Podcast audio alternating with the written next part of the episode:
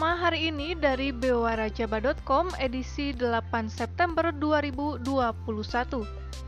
Berita pertama, Pemkot Bandung akan berikan kekuasaan pada orang tua terkait izinkan anak untuk ikuti PTMT. Sebanyak 43.153 orang atau 18,12 persen anak usia 12 hingga 17 tahun atau remaja di kota Bandung telah menerima dosis pertama vaksin COVID-19 Sementara untuk dosis kedua baru mencapai 9,54 persen atau 22.953 anak. Hal tersebut diungkapkan oleh Wakil Wali Kota Bandung Yana Mulyana saat meninjau kegiatan vaksinasi massal di RW 7 Bagus Rangin, Kecamatan Coblong, Kota Bandung pada hari Rabu 8 September 2021. Kegiatan tersebut merupakan bagian dari ikhtiar menjelang pembelajaran tatap muka terbatas atau PTMT.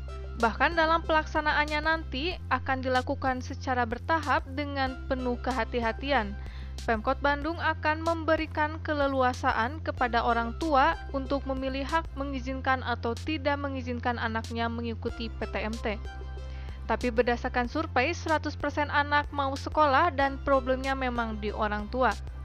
Di sela-sela kegiatan, ia mengapresiasi masyarakat yang terus bersinergi bersama Pemkot Bandung dalam mengejar herd immunity atau kekebalan tubuh.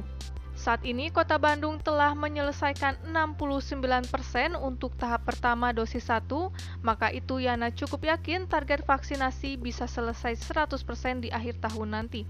Di tempat yang sama, Camat Coblong Cecep Rahmat mengungkapkan, kegiatan vaksinasi bagi anak disambut dengan baik oleh para remaja di wilayah Lebak Gede, bahkan dari target 250 remaja, kini sudah 350 remaja yang mendaftar.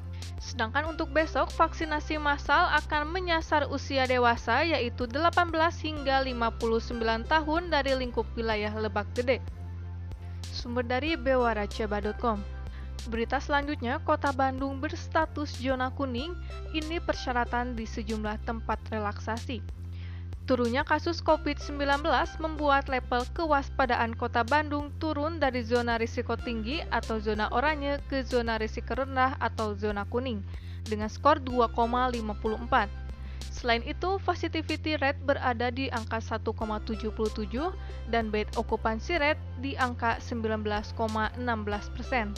Beberapa sektor juga telah memperoleh relaksasi atau pelonggaran yang disesuaikan dengan aturan instruksi Menteri Dalam Negeri atau Imendagri nomor 39 tahun 2021 tentang pemberlakuan pembatasan kegiatan masyarakat level 4, level 3, dan level 2 coronavirus di Siase 2019 di wilayah Jawa dan Bali. Ketua Komite Kebijakan Penanganan COVID-19 Kota Bandung, Odet M. Daniel menyampaikan kondisi saat ini di Kota Bandung cukup mengembirakan karena sudah bergeser ke zona kuning atau risiko rendah. Karena hal tersebut, pembelajaran tatap muka atau PTM secara terbatas sudah mulai dilaksanakan di 330 sekolah. Namun dengan catatan dipastikan memiliki kesiapan dan pengawasan dari Satgas Penanganan COVID-19 dan leading sektor Dinas Pendidikan. Selain itu, Kiara Artapak, Trans Studio Bandung, dan Saung Angklung Ujo juga sudah boleh beroperasi. Sedangkan untuk resepsi pernikahan diperbolehkan dengan jumlah tamu 20 orang per sesi. Namun Odet mengingatkan meski telah memperoleh relaksasi, pada prinsipnya pengelola tempat dan pengunjungnya harus disiplin dengan protokol kesehatan demi menjaga situasi dan kondisi saat ini. Odet mengaku akan segera mengatur terkait kapasitas, jam operasional, hingga usia pengunjung yang boleh memasuki beberapa tempat yang diberikan relaksasi tersebut. Sedangkan tempat yang lain akan dilakukan secara bertahap. Terkait mobilitas masyarakat, penerapan ganjil genap di gerbang tol menuju ke kota Bandung akan tetap berlaku tiap akhir pekan. Odet menambahkan, meskipun kasus COVID-19 menurun, tracking, testing, dan treatment 31 akan terus dilakukan karena hal tersebut yang menjaga indikator kota Bandung agar terus melandai. Sementara itu, Ketua Harian Satuan Tugas Penanganan COVID-19 Kota Bandung, Emma Sumarna mengatakan beberapa tempat seperti tempat olahraga outdoor akan segera dibahas untuk diatur terkait kapasitas dan aturan lainnya. Sedangkan terkait kebun binatang dan tempat wisata lain, Emma juga akan mengatur usia berapa yang diperbolehkan masuk sebagai pengunjung. Karena masuk ke pusat perbelanjaan pun anak usia 12 tahun ke bawah masih belum diperbolehkan. Sumber dari bewarajabar.com Informasi selanjutnya spesial buat pemirsa bewarajabar.com yang lagi bosen-bosennya nih. Berikut ini ada 7 tips buat usir rasa malas dengan tips berikut ini. Rasa malas merupakan musuh utama umat manusia dalam bekerja. Rasa ini selalu ada saat kita melakukan hal yang positif. Anehnya, ketika kita bergosip atau bersenang-senang, kita jarang sekali bermalas-malasan. Berikut ini tips cara mengatasi rasa malas berlebih. 1. Menetapkan tujuan. Menetapkan tujuan yang tidak realistis dan mengambil terlalu banyak dapat menyebabkan kelelahan.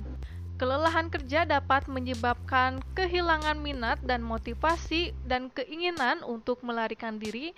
Hindari kelebihan beban dengan menetapkan tujuan yang lebih kecil dan dapat dicapai. 2. Jangan berharap dirimu sempurna.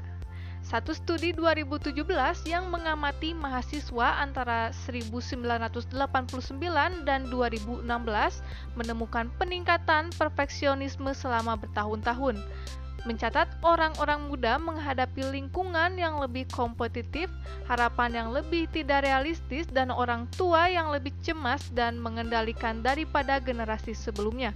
Peningkatan perfeksionisme ini menyebabkan orang menjadi terlalu kritis terhadap diri mereka sendiri dan orang lain. Ini juga menyebabkan peningkatan depresi dan kecemasan.